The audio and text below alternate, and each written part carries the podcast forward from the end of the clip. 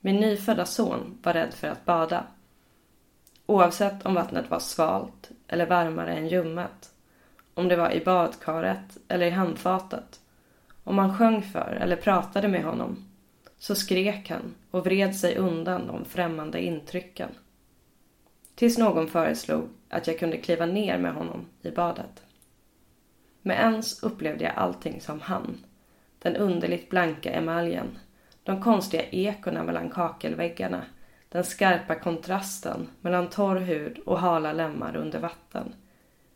Och blöt hud mot blöt hud, läppar mot fuktig panna, hand sluten om liten skär fot, gjorde hela skillnaden för honom. Vi badade tillsammans. Jag tvättade och höll om honom samtidigt och hans fingrar trevade över min kropps nya märken från att ha burit och fött honom. Denna känsla, denna bubbla av naken ömhet uppfyller mig igen när jag läser Sara Hallströms senaste diktsamling Tvätta och bli tvättad. Den handlar om krånglet och enkelheten i en sådan omsorg. Det skrämmande och självklara med att veta sig vara en kropp i andras händer. En hand som griper andras kroppar. Det stillsamt intima ruset.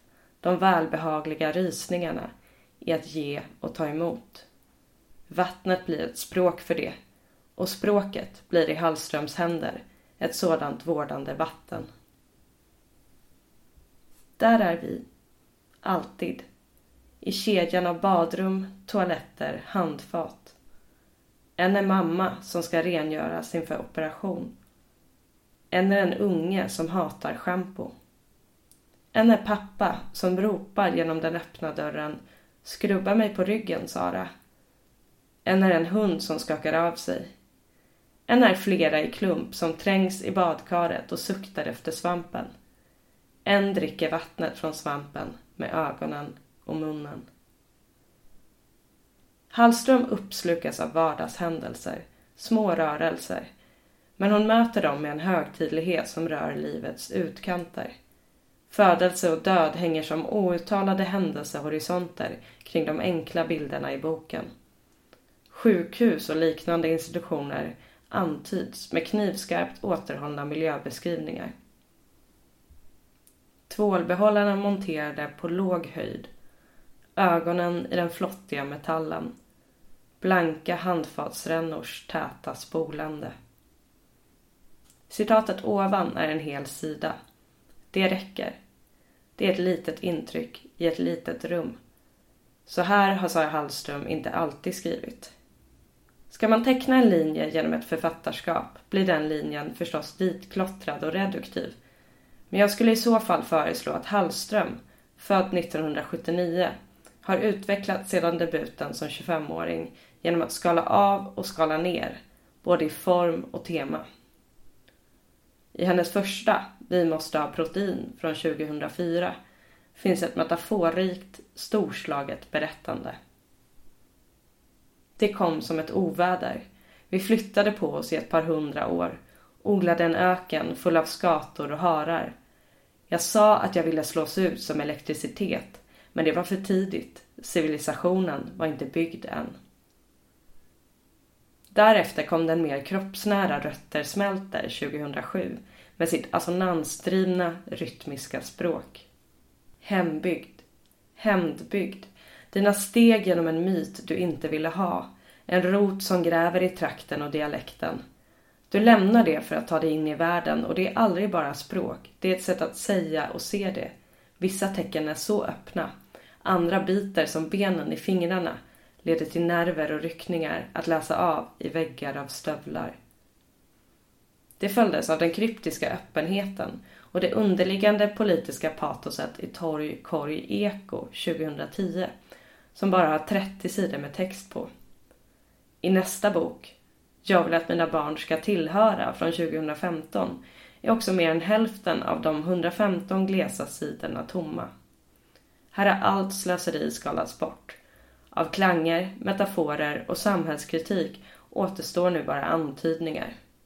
Agens och gemensamhet i språket undersöks med små medel. Det som kan formas till en sång, det som är sångbart. Det som inte hörs har en gräns för hur många röster som kommer att delta. I DN skrev jag om denna förra diktsamling att Hallström hade ålagt sig så sträng självdisciplin att hon inte tillät sig att briljera på en enda rad. Att hon hade gjort avkall på den enkla tillfredsställelsen i att skriva bra dikter. Åtta år senare, i Tvätta och bli tvättad, har Hallström blivit ännu mer av en minimalist. Hon är en av få samtida svenska poeter som nästan enbart känns driven av en inre nödvändighet. Vartenda ord står där det gör för att hon behöver ha det så.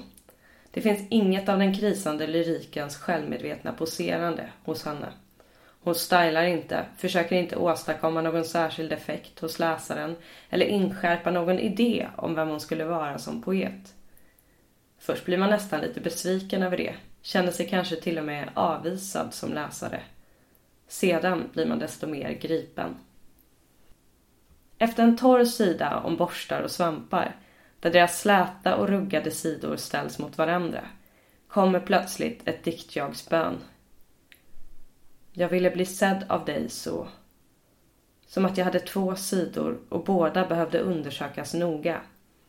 Prova om de är så mjuka och så hårda som utlovats. Om de kan göra någonting så rent. Om de kan nå djupt in i sprickorna mellan insida och utsida. Formulera gränsen, blöta upp den. Efter två, tre timmar slicka fram en ny form. Det är nio knappa dikter som utgör samlingen. Tillsammans inte mycket fler tecken än denna essä består av. För mig, en trött cyniker som alltmer börjar tvivla på poesins plats i samhället, som tycker att den alltför ofta kromar sig kring sig själv inför en klubb för inbördes beundran, blir den här diktsamlingen som ett glas kallt vatten. Ett ibland smutsigt och småslemmigt glas med en bismak av järn. Ett vatten som vägrar vara högstämd symbol. Ett levande glas vatten som man dricker på landet ur egen brunn. Med små drag tecknas en kropps och språkuppfattning där vi redan är indränkta av omvärld och varandra.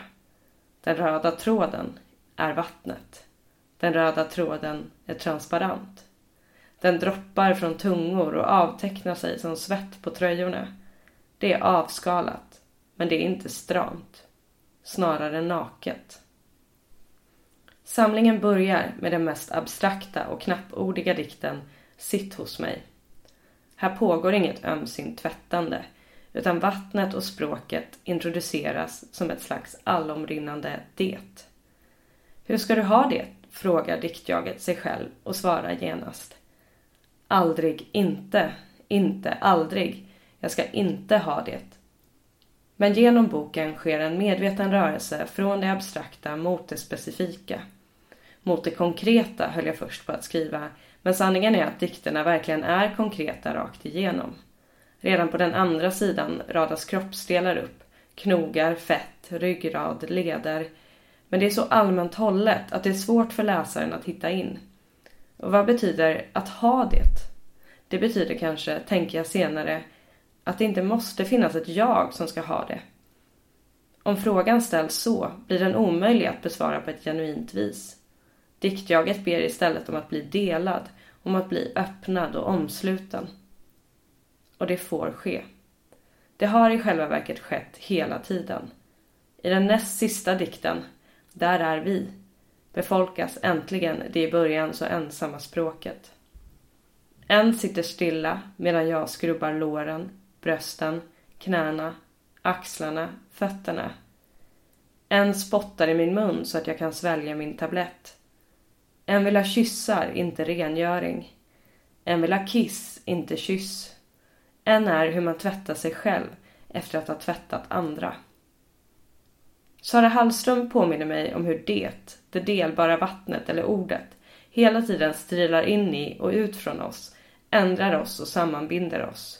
Hur allmänningen rinner genom våra händer och kroppen inte är en enskild historia. Det är både vackert och illavarslande, både villkor och ömhet. I omläsningen blir de första, mest ordknappa sidorna i Tvätta och bli tvättad också berörande och privata för mig, trots sin abstraktionsgrad. Det har ingen enskild plats. Alla hål svämmar över av det. Den slutna huden, elektrisk av det. Nu älskar min son att bada. Han har upptäckt hur man plaskar, men förstår inte varifrån dropparna som då skvätter upp i ansiktet kommer. Vattnets eviga delbarhet förvirrar honom antagligen lika mycket som språkets, som han bryter upp i stavelser utan att ännu verka helt medveten om att det är han som pratar. Nästa gång vi kliver ner i badet tillsammans tänker jag på tvätta och bli tvättad. Dess märkliga stämning av rå, ständigt pågående omsorg ringer i mig medan jag luddrar de fjuniga hårtestarna ovanpå den sköra fontanellen. Badar inte för att bli av med något, tänker jag.